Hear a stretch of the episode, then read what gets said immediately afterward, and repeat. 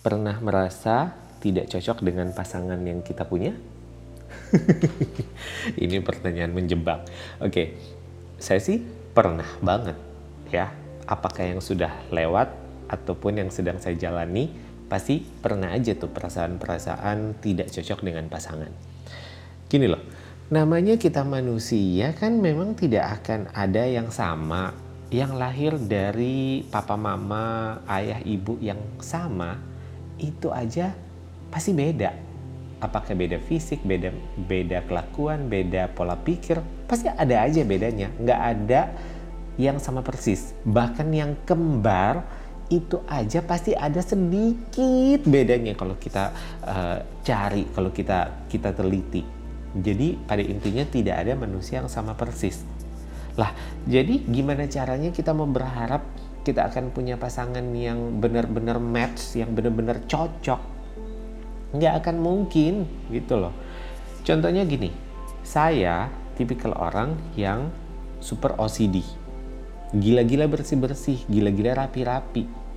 Selangkah lagi eh, apa namanya menjadi menjadi orang yang yang aduh pokoknya parah deh uh, taruh gelas miring dikit saya senewan liatnya. Pokoknya jelek banget kelakuannya kayak gitu. Namanya juga udah OCD ya kan?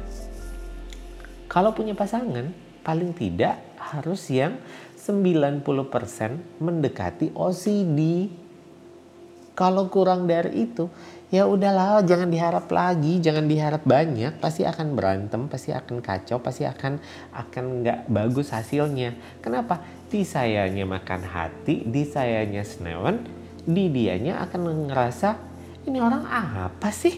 Uh, punya pasangan tapi malah malah ngerepotin punya pasangan malah malah bikin bikin uh, ribet hidup. Karena memang pada dasarnya udah beda kelakuannya udah beda gitu loh. Nah yang bisa kita lakukan apa? Kalau misalnya kita kita uh, punya pasangan yang yang super berbeda ini atau punya pasangan yang tidak cocok ini kalau belum menikah masih bisa di cut off. Masih bisa diajak omong baik-baik oke okay, uh, eh, kita kayaknya memang tidak cocok lagi. Kita sebaiknya mencari pasangan yang akan membuat kita lebih bahagia. Seperti itu bisa. Tapi kalau udah menikah ingat yang sudah uh, dipersatukan uh, Tuhan tidak akan bisa diceraikan oleh manusia lagi ya kan? Gitu. Uh, yang bisa dilakukan adalah menoleransi keadaan kita harus belajar menerima keadaan. Bukan hanya diri kita sendiri yang harus kita utamakan, bukan hanya diri kita sendiri yang harus kita uh, pikirkan, tapi kita juga harus memikirkan kondisi uh, orang lain, kondisi pasangan kita ini.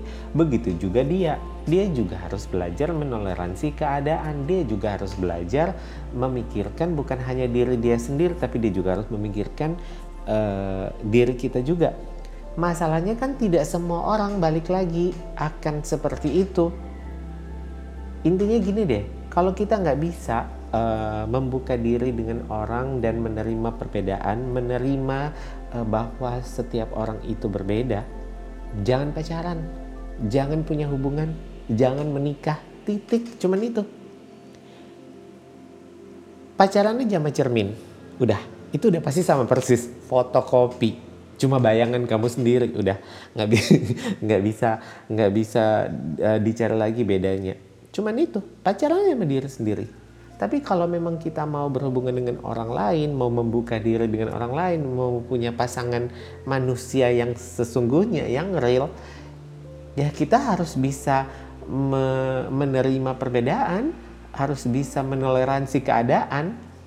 Kayak gitu ya dikomunikasikanlah paling tidak ya kan? Dikomunikasikan apa yang menurut kita bisa apa yang yang menurut kita bisa kita toleransi kita komunikasikan ke dia. Apa yang menurut uh, dia bisa ditoleransi uh, uh, dikomunikasikan ke kita kita lakukan. Kayak gitu harus ada timbal baliknya.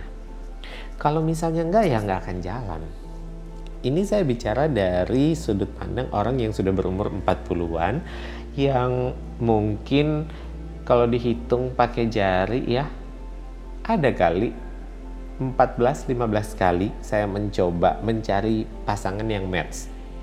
Ini tidak dihitung yang baru kenal seminggu dua minggu ya. Buat saya saya nggak mau hitung yang kayak gitu. Kenapa? Buat saya minimal tiga bulan. Tiga bulan adalah masa probation. kayak orang kantoran. Karena kenapa? Tiga bulan pertama. Saya bilang itu masa probation adalah tiga bulan pertama. Kita hanya akan melihat yang indah-indahnya aja. Kita hanya akan lihat yang bagus-bagusnya aja. Ingat masa yang paling menyenangkan dari sebuah relationship itu adalah masa pendekatan. PDKT itu adalah masa-masa yang paling paling berbunga-bunga. Udah lewat dari masa itu saya akan menjadi saya yang sesungguhnya pasangan saya juga akan menjadi pasangan saya sesungguhnya tiap orang akan menjadi diri dia yang sesungguhnya. Dia akan menjadi diri dia yang seutuhnya, gitu. Ya.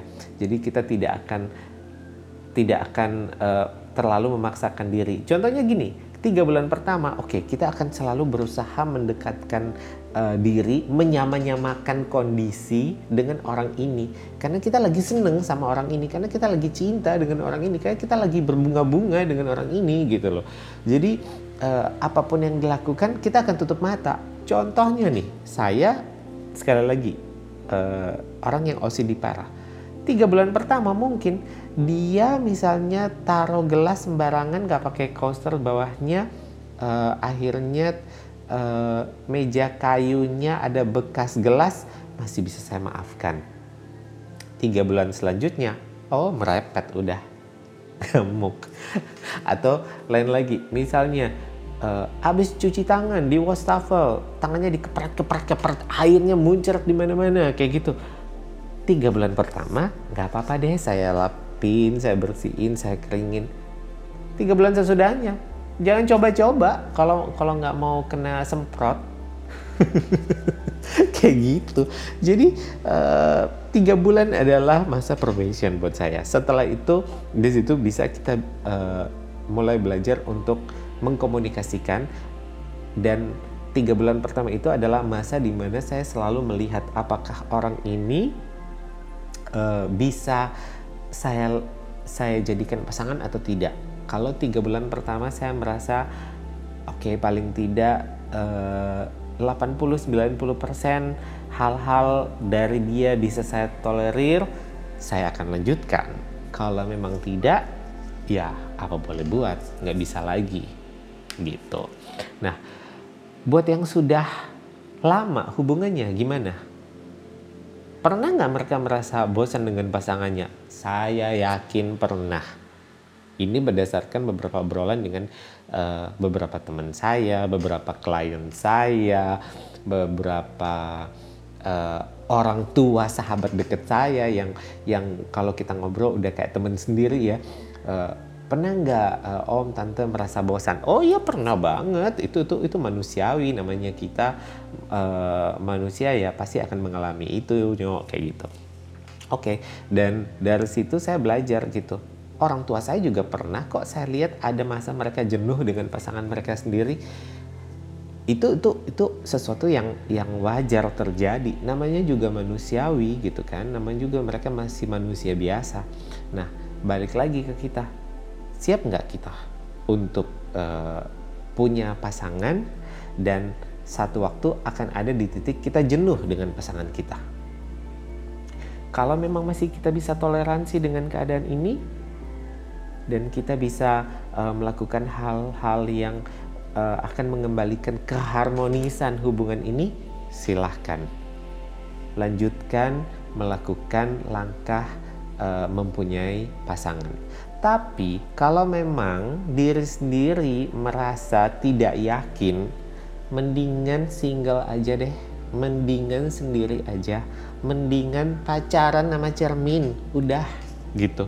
Karena sekali lagi uh, itu tidak akan menyakitkan diri kita sendiri dan kita juga tidak akan menyakitkan orang lain. Begitu juga sebaliknya. Dan uh, yang perlu kita ingat adalah kita ini manusia, makhluk sosial. Memang pada dasarnya kita harus uh, berhubungan dengan orang lain gitu.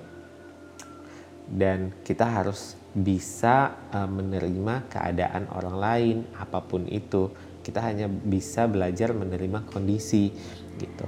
Kalau kita tidak bisa, ya apa boleh buat. Belajar dulu menerima uh, kondisi, belajar dulu bagaimana menerima keadaan uh, calon pasangan kita, baru kita iyain. Jangan buru-buru deh. Saya uh, dengan umur saya yang sudah sebegini ini sudah mengalami beberapa kali banyak kali bahkan usaha untuk menemukan pasangan yang yang uh, match yang cocok itu nggak ada sih yang ada itu adalah saya hanya bisa berusaha mencocokkan diri dengan keadaan. Kalau mencari yang benar-benar cocok sejauh ini sih saya belum pernah dapat. Tetapi uh, berusaha mencocokkan diri itu uh, berapa kali saya temukan. Dan itu yang terus saya pelajari sampai sekarang. Nggak akan pernah ada habisnya kok uh, belajar untuk mencocokkan diri dengan keadaan belajar mencocokkan diri dengan kondisi orang itu nggak akan akan nggak akan uh, pernah ada habisnya karena itu akan berjalan sejalannya waktu